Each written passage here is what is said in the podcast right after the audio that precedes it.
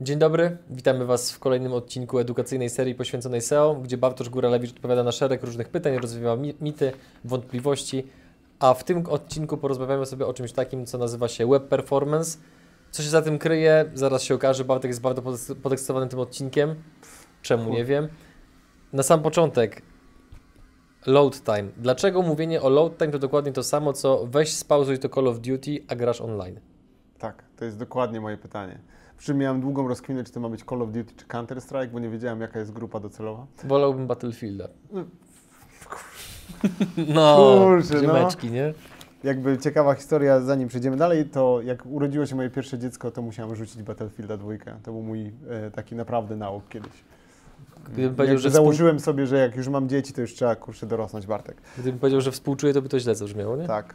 Ale teraz moja córka gra w Titanfalla, więc wiesz. E, w każdym razie load time jest czymś, co jest ekstremalnie, ekstremalnie archaiczne. Ja do dzisiaj jeżdżę po, gdzieś po konferencjach. W Polsce, na świecie to już jest, to już jest wtórne, ale jak widzę, konf- widzę konferencję, widzę, że gość wychodzi, mówi, że jest specjalistą od web performance'u albo dowolniczego. I mi mówi, że load time ileś tam sekund. Czekaj, co to w ogóle jest web performance? Może od tego jeszcze Web wyjdźmy. performance to jest jak szybko twoja strona działa. Okej, Kropka. Mhm. Kurczę, Najkrótsza definicja, jaką chyba ever nam się udało w, tym, e, szanuję. w tej serii. Tak. I wracamy do gościa, który wychodzi na scenę i mówi, że Wychodzi na scenę sobie facet, mówi, że nazywa się nie tam e, John i on mówi o tym, że ta i ta strona, nie wiem, amazon.com e, ładuje się w czasie x sekund. I ja już w tym momencie myślę Boże Święty, po co ja tu przyszedłem, nie? I to już jest koniec. I, i wytłumaczę Ci dlaczego, bo jakby kiedy ktokolwiek, wytłumaczyć dlaczego, jeśli ktokolwiek mówi Ci o load time, to trzeba po prostu nie wiem, taki spryskiwacz jak na koty i po prostu jak on tylko mówi load time, to ktoś go psika. I to by była taka konferencja, że ktoś mówi o load time i nagle wszyscy przychodzą i wiesz. Ja tak miałem kota, który e, coś tam robił, już nie pamiętam, chyba drapał fotel, to się tam Mhm. pikało. E, teraz miłośnicy kotów pewnie tam łapkę w dół. E, to było dawno, przepraszam. E, w każdym razie to jest trochę tak, jakby chodził ktoś dzisiaj do wypożyczalni kaset dalej, nie? Czy używanie chociażby takie narzędzie GT Matrixa i wrzucanie takiego screenshota e, z rzutu ekranu klientowi, żeby coś z tym zrobił. I teraz wytłumaczę Ci dlaczego. E, I to jest, to jest w ogóle, naprawdę zobaczcie, to jest ciekawe. E, Czyli masz sobie stronę, która The Guardian. Kojarzysz Guardiana? To jest, Oczywiście. Czytasz codziennie rano pewnie przy, swoim, e, przy swojej kawie, Sojowe lata. po godzinnej medytacji, tak?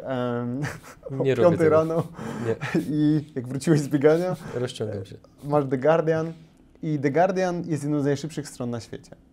E, I The Guardian jest takim e, ołtarzykiem deweloperów web performance'u. E, The Guardian, Amazon, jest kilka takich stron, które w jakiś sposób naprawdę radzą sobie z wieloma rzeczami super. I teraz zgadnij, jaki jest load time The Guardian. Jaka wartość nie... nie Że w, jak, w, jak, w jakim czasie musisz załadować stronę, żebyś był szczęśliwy? nie Tak mam punktu odniesienia. Nie masz punktu Dwie sekundy? to, to, to The Guardian ładuje się nawet w 20 sekund lub dłużej. Według load time'u. Okej. I teraz To pewnie ci chodzi? zepsułem twój, two, twoją wizję, nie? Znaczy mam, jestem, I'm confused po prostu, Jesteś nie? zamotany. Mhm. I super. I do tego dążymy, żebyś tutaj, Aha, ekstra. żeby pokazać ten, tą dysproporcję. Nie żeby cię zamotać, kochany Adrianie, to nie, nie, nie, nie, jakby nie jest to mój cel, e, ale pokazuje to, jak bardzo ta metryka jest kijowa. Bo jeśli patrzysz na Amazon, on też się ładuje długo. Jeśli patrzysz na wiele stron, które są szybkie, one się ładują długo. Co jest dla Ciebie ważne, kiedy otwierasz stronę, żeby, żebyś co mógł zrobić? Szukasz Zrealizować określony cel. Bydgoszczy. Czyli zrealizować określony cel. To Chcę, żeby otwierasz tak- AccuWeather.com, czy tam nie wiem na czym szukasz, nie, pogodaonet.pl. Nie jestem jeszcze w tym wieku, żeby szukać, jaka jest pogoda. Wybacz. Tylko ja to robię, Boże święty, jeszcze kardigan. ci- No dobra, e, dziadek Bartek Ci wytłumaczy w każdym razie. Słuchaj, otwierasz sobie stronę typu pogodaonet.pl, to ty nie, nie interesuje Cię, kiedy wszystko się załaduje, nie interesuje Cię, kiedy ostatnia reklama się pokaże. Ty potrzebujesz pogodę. Potrzebujesz wiedzieć, że nie wiem, jest dzisiaj kijowa pogoda, jakby można na to założyć przez najbliższe 4 miesiące w Polsce. Musimy założyć, że jest kijowa pogoda i że będzie lub nie będzie padać. To jest jedyna zmienna chyba w najbliższych miesiącach. I to jest jedyna metryka, która Cię interesuje. A to, że jak ta pogoda się załaduje, zobaczyć jaka jest pogoda, cała reszta gdzieś tam się ładuje, jakiś przycisk, czy jakaś animacja na, na dole, czy w ogóle, że w tle ładują Ci jakieś funkcje, których nie rozumiesz, jest nieistotne dla Ciebie. Drugą, drugą opcją jest to, że potrzebujesz wykonać jakąś interakcję z daną stroną. Czyli wchodzisz na google.pl, to potrzebujesz jak najszybciej wpisać wyszukiwanie. jeśli oczywiście nie masz tego jakoś tam lepiej zrobionego, ale jako przykład. Wchodzisz na google.pl, to czekasz, aż się pojawi to pudełeczko, wpisujesz tam pogoda Bydgoszcz i szukaj. I to jest też dla Ciebie ważne. Co się dzieje w tle, jest dla Ciebie zupełnie nieistotne. Mhm. Load time mierzy, kiedy wszystko, co się dzieje dookoła strony, się skończy. I ta metryka jest bardzo, bardzo stara, bezsensowna, krzywdząca, no Myląca. od sytuacji. Myląca, tak. E, I teraz przechodzimy do tego, a co jest dobre. Nie? E, Load time jest na pewno, no, praktycznie w każdej możliwej opcji jest, e, z, powinno być używane przez osoby, które naprawdę to rozumieją i są już super ekstra e, performance optyma, optymalizują performance. E, Pomógłbym Ci, ale patrzę jak się miotasz, to było coś pięknego. Powtórzysz? nie, nie. Ale to dalej. na pewno się jeszcze wydarzy, więc jak ktoś lubi na to patrzeć, to to dzisiaj macie odcinek życia. I mamy Real User Metrics, tak zwany room. Miałem kiedyś taki slajd, że wchodził taki pirat i pokazywał room i to nikt się nie śmiał e, na sali. Ciekawe czy. Ale ciągle go używam, myślę, w końcu znajdę audiencję. No, może dzisiaj. Jakby ktoś się teraz zaśmiał, że pirat i room, to, Jak to- wyślesz nam tą grafikę, to na pewno ją wstawimy w tym miejscu. wyślę ją. Mam naprawdę tak, zobaczysz, jest prześmieszna Dobra. dla mnie. E, Real, user, Real User Metrics e, to są metryki mierzone na prawdziwym urządzeniu i na prawdziwym użytkowniku. Czyli nie, że używasz sobie jakiegoś sztucznego narzędzia, które na szybkim połączeniu na serwerze w Kalifornii dwa metry od e, Twojego serwera mierzy performance, tylko sprawdzasz sobie, że znowu, wracając do, nie wiem, masz quake.pl, masz grupę docelową, którą są młodzi ludzie na nie najdroższych komórkach, rodzice im kupili, nie wiem, Nokia 3210, teraz jest nowa, wróciła, albo jakiś starszy telefon, Boże Xiaomi e, starszy, który ma nie naj, je- jeszcze nie najnowszy Xiaomi, który nie ma po prostu największej wydajności, jeśli chodzi o moc odliczeniową, czyli o procesor i o RAM. Mhm. A, I oni też może mają albo jakiś tańszy plan abonamentowy, nie wiem czy w Polsce też tak działa, że oni mają trochę wtedy mniejszą prędkość, albo może są na wiosce, gdzieś gdzie nie ma dobrego zasięgu, albo tak jak u mnie niby w centrum miasta, ale gdzieś tam z jakiegoś powodu zasięg jest słaby i nagle ktoś patrzy sobie na dane, administrator Quake'a i patrzy, ok, nasza strona działa super szybko na desktopie i na wszystkich testerach, ale z jakiegoś powodu naszym użytkownikom e, nie- jest, nie, te, te metryki nie są takie super. I te Re- Real User Metrics to jest coś, co mierzy, kiedy na przykład największy element się wyświetli na ekranie. I tu już jest boom, nie? Jakby tu pokazujesz ekscytację. Czytałaś instrukcję? Wow. No, Czyli na przykład jedną z metryk, która jest, to jest time to interactive, czyli jak szybko strona jest interaktywna. Drugą z metryk jest e, largest contentful paint, o którym zrobiłem filmik na YouTubie, w ogóle nawet youtuber. E, I będzie link w opisie. o, dobra, będzie miał 100, 102 wizytę. E, I wyświetlenie, Boże Święty. E, I, Largest Contentful Paint mówi Ci o tym, kiedy w tak zwanym viewporcie, czyli tym takim ekraniku, który widzisz w zależności od swojego urządzenia, czyli na komórce, na desktopie, to jest above fold albo viewport, czyli to, co się na początku ładuje, kiedy największy element jest załadowany. I to jest już dla nas ważne, bo jeśli patrzymy na pogodę, jeśli patrzymy na nagłówek na The Guardianie, jeśli patrzymy na nagłówek na BBC, to najczęściej jest to największy element, który jest dla Ciebie istotny. I to już jest super, bo w tym momencie e, masz, e, masz metrykę, która faktycznie coś znaczy, bo nie tylko masz metrykę, która mierzy faktycznie twoje, Twój experience jako użytkownika mojej strony, ale też w warunkach, w którym Ty tą stronę konsumujesz, czyli w metrze we Wrocławiu, tak jak rozmawialiśmy, na słabym połączeniu na starym telefonie i wiemy, że tą stronę trzeba zbudować. A jeśli się okaże, tak jak na przykład onely.com, nasza domena ma bardzo dużo ludzi na desktopie, wciąż 70%, co jest w ogóle zdumiewające. Po prostu mamy dość techniczny język, domyślam, że ludzie na komórce to czytają coś ciekawszego. I, I mamy 70% ludzi na desktopie, no to my możemy sobie troszeczkę zaszaleć. Mimo, że tego nie robimy, to moglibyśmy użyć więcej skryptów, więcej Mhm. kodu i tak dalej. Mniej więcej to wytłumaczyłem, przejdziemy zaraz głębiej. Okej, dobra. CPU, najważniejszy czynnik w web developmentie. Jak procesor Twojej komórki wpływa na ładowanie? Dziękuję, że zadałeś to pytanie. Bardzo Proszę, mądrze zbudowane. czytam w E, Twoich myślach. E, To CPU, czyli procesor. I to jest coś, co w ogóle nigdy nie było częścią ani technicznego SEO, ani web performance'u, w sensie nigdy, no teraz się pojawiło. Przy rozwoju nowych technologii, czyli mamy dużo skryptów, mamy dużo JavaScriptu na stronie. Teraz już nie masz takiej stronki, jak pamiętasz jeszcze może, jak wyglądało pierwsze Allegro, albo pierwsze te takie portale kiedyś. To był taki boksik, to był jakiś ten, to był sam HTML, to Mhm. nie było w ogóle obrazków, bo wtedy przy tym, wiesz, pamiętasz ten taki, jak się łączyłeś, ten takie, takie Tak, nie będę nada, tak. naśladował tych dźwięków, bo byś miał to wirala, nie? Zrobiłem gifa z tego. Zrobiłbyś gifa z tego, ale nie będę naśladował, jak były dźwięki łączenia się. Każdy z nas pamięta e, TPSA i te nasze modemy 33 lub tam później Mhm. 56, to już było wow. E, No to te pierwsze strony były bardzo, dlatego o nich mówię, że one zajmowały kilkadziesiąt kilobajtów. Czyli cała strona, która ci się załadowała, może miała czasami po 80-100 kilobajtów, były maluteńkie. Teraz e, mamy przykłady stron, które mają po 80 mega. I to nie jest jakiś tam niespotykany. Jak sobie pomyślisz teraz, że szukasz sobie na Allegro e, e, kamizelek, czy krawatów, czy co tam cię kręci, nie wiem, butów do biegania, nie? Czy worków treningowych, przepraszam, e, Czy kardiganów. Podrzuć mi coś, bo będę tutaj się motał, kardiganów na wyprzy, nie? E, To jak sobie otworzysz taką stronkę na Zalando, czy na, czy, na, czy na Allegro, czy gdziekolwiek tam e, to zrobisz, to sobie pomyślisz, wow, nagle masz, nie wiem, z 400 obrazków czasami, nie? I to scrollujesz i jakby ta ilość, po pierwsze danych jest bardzo duża, która wpływa na transfer, czyli tutaj jest liczy ten, ale CPU teraz te wszystkie technologie, które to ładują, czyli technologie, które sprawiają, że ten obrazek powiedzmy na Allegro, masz sytuację na Allegro, że masz miniaturki, ale możesz nacisnąć, że te miniaturki bez wchodzenia w stronę się przeglądają, nie? E, Teraz już wiele sklepów ma coś takiego. Albo jak najedziesz na miniaturkę, to ona się powiększa. Mhm. To wszystko to jest JavaScript. Więc w tym momencie ten JavaScript jest dużym, dużym kosztem em, przetworzenia go. Więc w tym momencie to, to jeśli masz to na słabym komputerze, to co Ci mówiłem wcześniej, że masz dużo zakładek otwartych, to mm, słabszy komputer się zamuli teraz z niektórymi stronami. Z takimi stronami jak The Guardian chociażby. Jak otworzysz nagle 20 Guardianów, to jest gigantyczna szansa, że Twój Chrome zrobi taką smutną buźkę. Nie wiem, czy kojarzysz, jak już tak, Tak, już tak. osiągnąłeś koniec internetu. Zdarzyło mi się.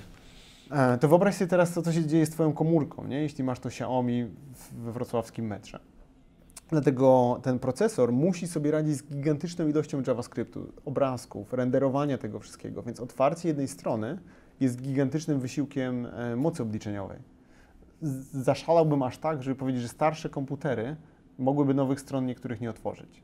E, I tutaj jest nawet jeden ciekawy bardzo przykład e, Adiego Osmaniego, który jest e, Googlersem, który podał, stworzył taki dość ikoniczny w naszej branży artykuł o koszcie JavaScriptu, gdzie podał przykład, że już teraz nie pamiętam dokładnych sekund, ale mm, to było bodajże BBC, gdzie ładowanie BBC na iPhone'ie 8 w porównaniu do Motorola G4 to było chyba 12 sekund różnicy.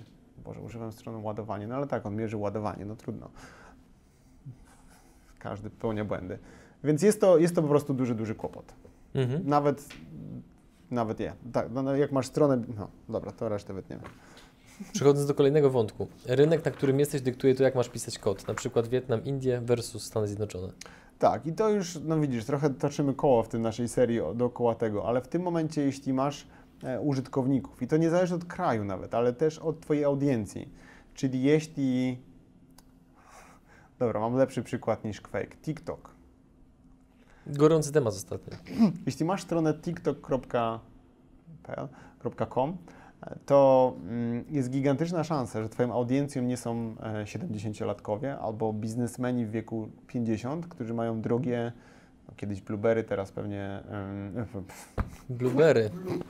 Tego na pewno nie wytniemy, Bartek. e, tego na pewno nie wytniecie. Ja wiem, Blackberry czy na przykład, no, mają pewnie iPhone X i iPhone 11 i, i te, jakby dla nich ten TikTok nie jest takim ładunkiem od początku. Dobrym przykładem będzie TikTok. E, to jest już drugi raz, jak to, jak to próbujemy nagrać.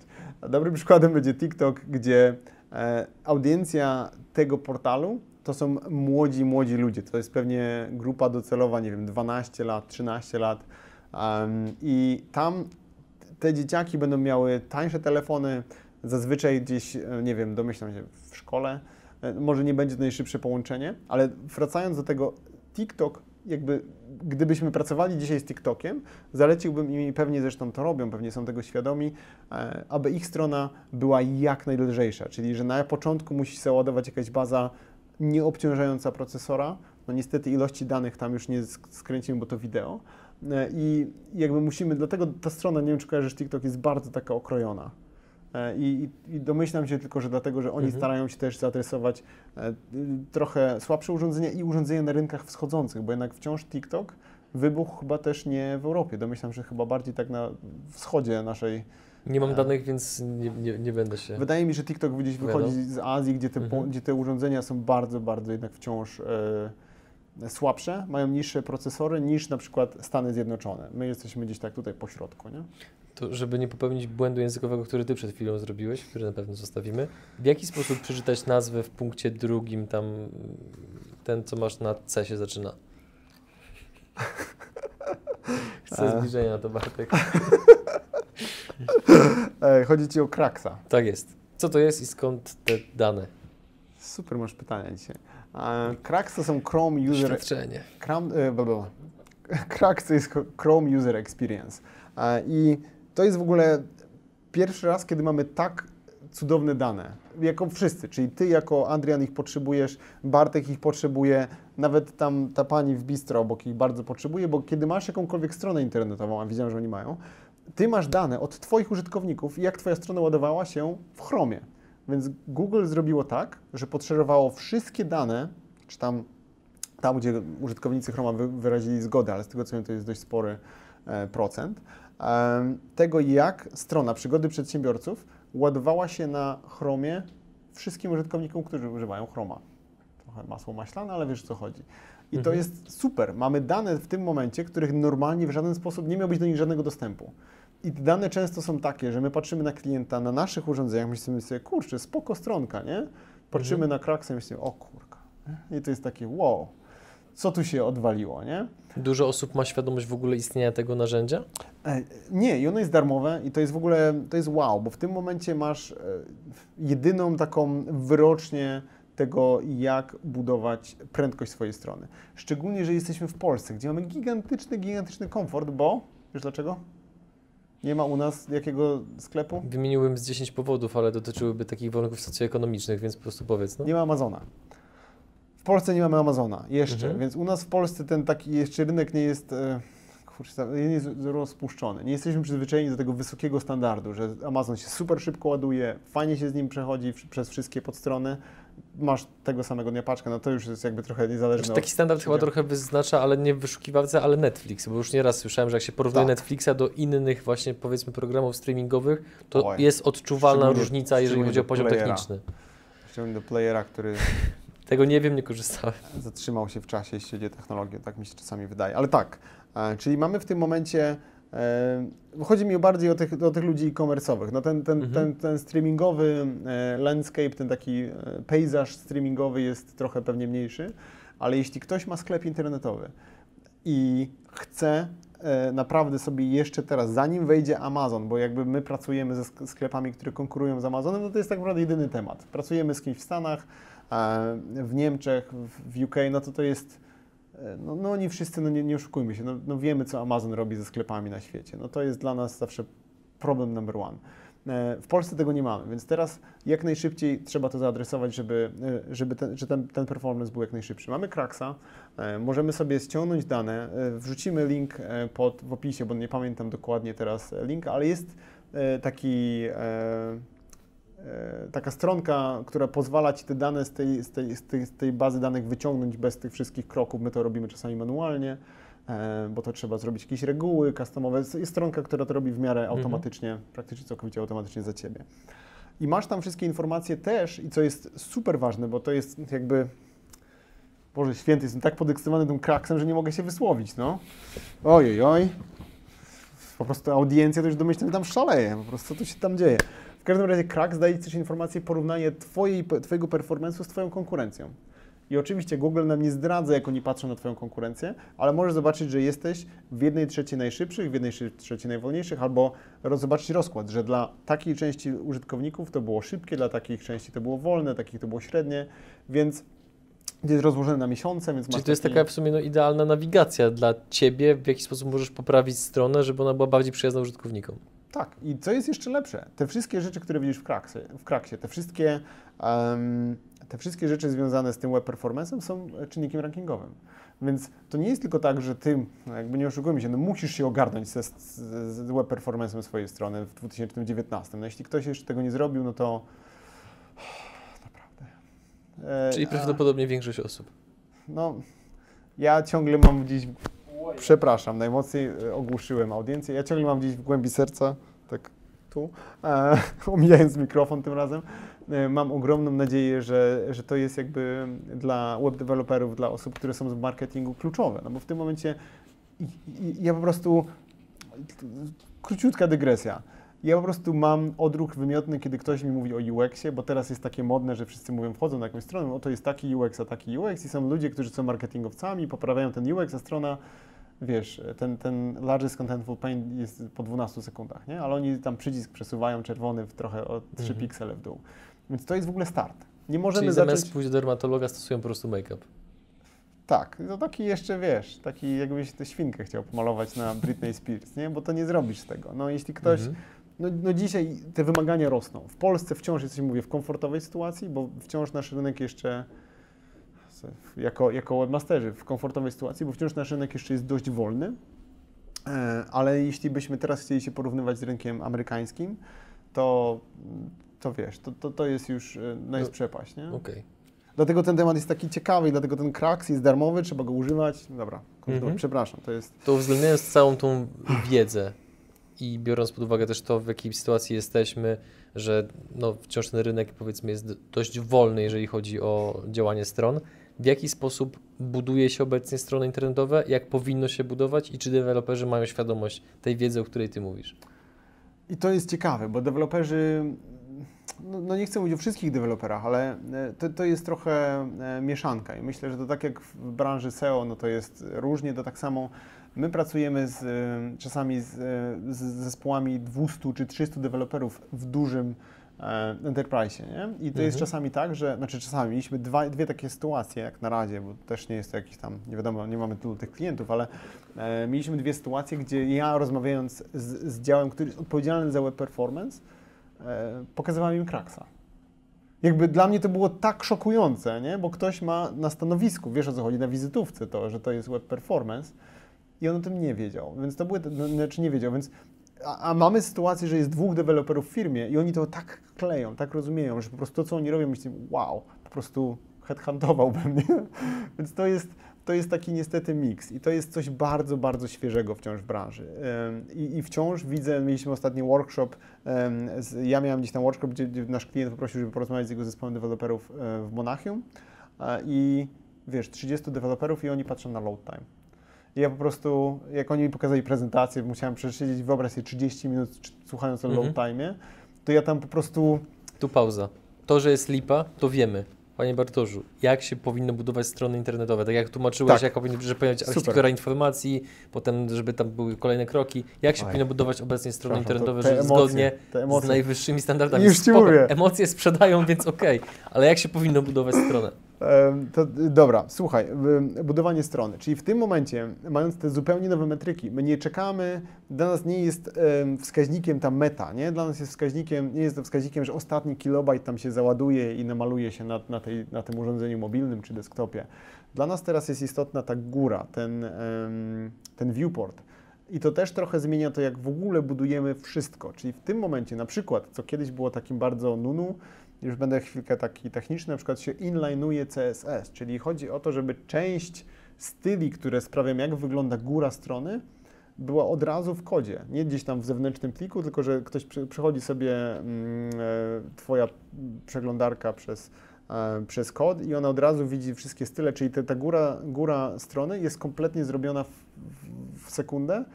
E, Ktoś może już się jakby ym, bawić Twoją stroną, ktoś może sobie przez nią przechodzić, czytać, coś tam robić, a reszta, jakby to, czego nie widzisz, dopiero wtedy so, sobie e, się ładuje, nie?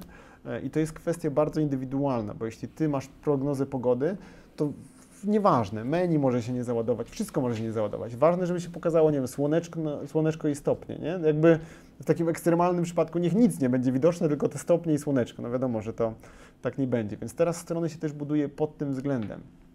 Czyli budując to wszystko, e, budujemy to. To, co mówiłem już wcześniej, nie będę tego powtarzał, budujemy to pod dane, daną audiencję. Mając Kraksa mamy gigantyczną informację, ile mamy iPadów, ile mamy, ile mamy tabletów, e, ile mamy desktopów, ile mamy mobi- mobilek tak zwanych, jakie mamy połączenie, czy mamy 4G, czy mamy dużo 3G, jeśli mamy 3G, no to może zrezygnujmy z tego pięknego slidera w tle z, z łąką, nie, 4 megabajtowego.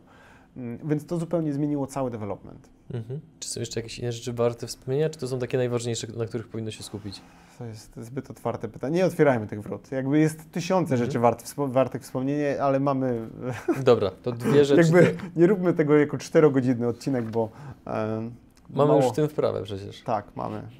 Ucięliśmy go z siedmiu, ale dobra. E, Tu jest taka adnotacja, drodzy widzowie, do, odcinku, który, do odcinka, który już kiedyś nagraliśmy z Bartkiem, który trwał chyba około 3 godzin. Zachęcamy do oglądania, jednocześnie nie, nie zachęcamy, bo tam był tragiczny dźwięk. E, z nasze- Trzech i pół po ścięciu chyba z siedmiu, więc to było. No dobra, to jakby to nie ma w sumie znaczenia dla merytoryki tego odcinka, więc wracając, przedostatni podpunkt. Web performance versus PlayStation. To powiem Ci, że ze wszystkich punktów to przykuło moją uwagę najbardziej. Dziękuję. Um, jakby, będąc w takiej branży jak moja, musisz nauczyć się zainteresować ludzi tematem. To jest clickbait, nie ma tu nic, nie, nie, żartuję. Ale mm, jakby powolutku, powolutku to, jak się tworzy strony, wraca do takiej sytuacji, e, już tak kończąc, takim bardziej natchnioną myślą, e, do tego, co zrobiło PlayStation bodajże w 2013. Ja już tego nie pamiętam, ale kiedy wkładałeś sobie płytę z grą, ona się ładowała, ściągała, aktualizowała, nieważne, a ty w międzyczasie w nią grałeś. E, I to, to był najprostszy możliwy koncept. Ty chcesz w to grać, już tam wa- nieważne, że tam któraś, już nie wiem, plansza, będę brzmiał jak stary dziadek kompletnie, że tam siódmy level ci e, aktualizuje, czy plansza, czy cokolwiek, ty mogłeś na początku grać. Więc to wszystko działo się, kiedy ty grałeś. Tak, ta- tak samo powinno się budować teraz strony. Niech wszystko, co jest super fajnym, fajną wartością dla użytkownika, jakimś tam właśnie przeskakujący slider, nie wiem, zając, który Otoczką. wyskakuje, e, fajerwer, muzyczka w tle koniecznie na, na stronie, przecież bez muzyczki, kurka, czyli ta MIDI, taka muzyczka. Niech to wszystko się dzieje w tle, kiedy ty e, już możesz z tą stroną mieć interakcję. Mm, Kiedy ty możesz dodać coś do koszyka, może, kiedy ty możesz już poszukać, wejść w menu, wejść, każda ta ścieżka jest inna, to trzeba zrozumieć dany sklep, ale e, mi się czasami wydaje, że te takie mm, błyszczące obiekty dla deweloperów czasami i dla mm, właścicieli stron, czy jakichś sliderek, właśnie jakieś pierdółki są często ważniejsze niż to, żeby ktoś wchodząc e, nie wyszedł. Czyli PlayStation jest takim jakby punktem odniesienia, taką trochę inspiracją, jak, jak Tak. powinno się budować stronę internetową, jakie powinno się mieć w ogóle wyobrażenie o tym, jak to powinno działać. To jest takie przejaskrawienie, bo to jest myślę coś, do czego się możemy odnieść, że jak masz czekać 45 minut, aż coś ci się zainstaluje na PlayStation, to jest duża szansa, że już do niej nie wrócisz, że się zajmiesz w międzyczasie czymś innym. Teraz mamy tak dużo dystraktorów, każdy walczy o naszą uwagę, że stracenie kogoś z oka na te nawet kilka sekund jest gigantyczna szansa, Mhm. że ktoś otworzył sześć zakładek, jak były wyniki wyszukiwania i twoja się jeszcze ładuje. No to wiesz, co się wydarzy, nie? Ktoś znajdzie ten produkt gdzieś indziej, do twojej już nie powróci, bo po co? Bo, bo już to Mhm. jakby ktoś inny rozwiązał jego problem. E, więc to PlayStation było takim pięknym, mi się wydaje, przykładem tego, że grasz, a w, tle się wszystko dzieje, ty się nie musisz o to martwić.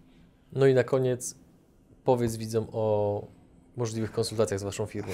Tak, przepraszam, jeszcze, dobra, muszę ochłonąć po prostu ten temat web performance'u jest bardzo, to jest w ogóle tych tematów, jeszcze zanim zakończymy, przepraszam, mam jedną Proszę. rzecz, która jest bardzo ciekawa. I to jest zupełnie nowość w naszej branży, która powstała chyba 2-3 tygodnie temu. Jest coś takiego jak e, layout shift. I to brzmi super nudnie, pewnie myślicie, kurczę, co to jest, nie interesuje mnie to jak zawsze, E, ale layout shift jest super To było bardzo niegrzeczne, ale zignoruję to. Mów dalej. No, przepraszam, no po prostu te emocje e, z web performance'em. E, Layout Shift jest bardzo ciekawą nową metryką, która pokazuje bardziej kierunek, w którym idą wyszukiwarki i te wszystkie metryki, też trochę bardziej niż ta jedna metryka. Layout Shift jest czymś takim, nie wiem czy kiedyś miałeś, że otworzyłeś sobie jakąś stronę, chciałeś kliknąć na coś i nagle coś się przesunęło i kliknąłeś coś zupełnie innego. No, zdarzało się wtedy poziom irytacji gwałtownie To rósł. jest szczególnie na wolnym połączeniu, nie? że tam chcesz nacisnąć tak albo chcesz nacisnąć, po, po prostu jak każdego o to pytam, to ludzie myślą, "O, już po prostu widzę, że są wkurzeni, nie? Bo myślę, to jest, zawsze się dzieje na wolnym połączeniu, wiesz, kliknąłeś na coś, co zaczyna ładować, ty nie wiesz, czy dajesz wstecz, to wtedy czekasz, żeby nie wiesz, ile razy nacisnąłeś wstecz, dajesz trzy razy, cofasz się za bardzo. To jest bardzo frustrujące. Wiesz, czemu mnie to irytuje? Dla mnie to jest niedbalstwo. W sensie takim, że jak ktoś to zbudował i potem to przetestował tylko i wyłącznie na jednym urządzeniu, mając światłowód w swoim biurze, to dla mnie to jest taki objaw ignorancji wobec klienta, że jakby ja będąc na maksa sfokusowany na tym, żeby klient miał dobrze, to ja takie coś po prostu traktuję jako to, że no oni mają gdzieś komfort użytkownika. Jak dobrze to się nagrywa. Teraz będę to, wytniemy ten kawałek i na każdej e, prezentacji, tylko kurczę, zrobimy, jak to będzie poza polską napisy po angielsku i będzie taki wkurzony Adrian na to. To, to Ci jest numer konta, rozliczenie w dolarach poproszę.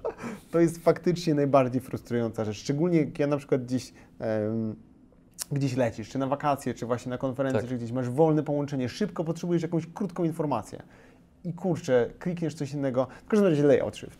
Mhm. Dzisiaj to layout shift. E, To się tak nazywa. I Google to zaczął mierzyć w Chromie bodajże 77, czyli jednym z ostatnich w Chromu. Więc teraz domyślam się tylko, że Google ma tą informację w skali, czyli wie, że Twoja strona jest mega, e, jakbyśmy to określili e, delikatnie, Twoja strona jest frustrująca. Będziemy grzeczni. Twoja strona jest bardzo frustrująca i Google ma taką informację, ok, przygody przedsiębiorców bardzo frustrująca, nie? I jakby nie jest to jeszcze czynnik rankingowy, przynajmniej wedle oficjalnych e, oświadczeń, ale gdybym ja budował algorytm, to byłoby specjalne miejsce po prostu, że tam są normalne wyniki, tutaj mamy takie, wiesz, czerwone pudełko, że te strony są, e, nie wiem, karny jeżyk dla stron. E, więc to jest jeden z przykładów, które też te dane będą w kraksie, czyli też będziesz miał tą informację, więc będziesz wiedział, że twoja strona jest jakby częścią problemu, a, a nie rozwiązania. Mhm. Więc tylko chodzi mi o to, że to jest bardzo ewaluujący temat, który powstał może rok, dwa lata temu. E, my jakby, jak tylko to wyszło, to się strasznie tym zajaraliśmy. Na początku to było takie, ten, w każdym razie to rośnie. Ten layout shift jest super ciekawym przykładem też. Czy w tym momencie to jest, uważasz, że moglibyśmy przejść do tych konsultacji właśnie? Tak, przepraszam. Więc No jeśli, dawaj. jeśli ktoś z Was, mm, jakby web performance jest strasznie, strasznie złożony, jest chyba mm, bardziej złożony niż nawet JavaScript SEO i techniczne SEO czasami, e, ponieważ jest ekstremalnie zależny od Waszej danej strony. Więc jeśli macie podejrzenie, że Wasza strona nie jest szybka albo gdzieś czegoś nie rozumiecie, e, możecie za darmo porozmawiać z kimś z Wandy, em, z, kim, z jakimś naszym ekspertem od web performance'u. I można zrobić za darmo przez 30 minut na one.li e, slash przygody. Pięknie. A tymczasem... no, jakby no strings attached. A tymczasem stawiamy kropkę w tym odcinku, a Was, drodzy widzowie, zachęcamy do zostawiania kciuków w górę, komentarzy z pytaniami do Bartka, jego zespołu, do korzystania z tych narzędzi, o których Bartek właśnie dzisiaj mówił i zachęcamy Was do oglądania oczywiście pozostałych odcinków serii, która rozwiewa wszelkie mity, wątpliwości, odpowiada na przeróżne pytania związane z SEO. Do zobaczenia w kolejnym odcinku. Cześć. Ja jeszcze oczywiście kończąc chciałem podziękować Ci Adrian za to, że dzisiaj e, pięknie poradziłeś sobie z moją ogromną ekscytacją. Wiem, że to była ciężka, ciężka robota. Mi się Dziękuję podobało, bardzo. mi się też, to było ciekawe wyzwanie.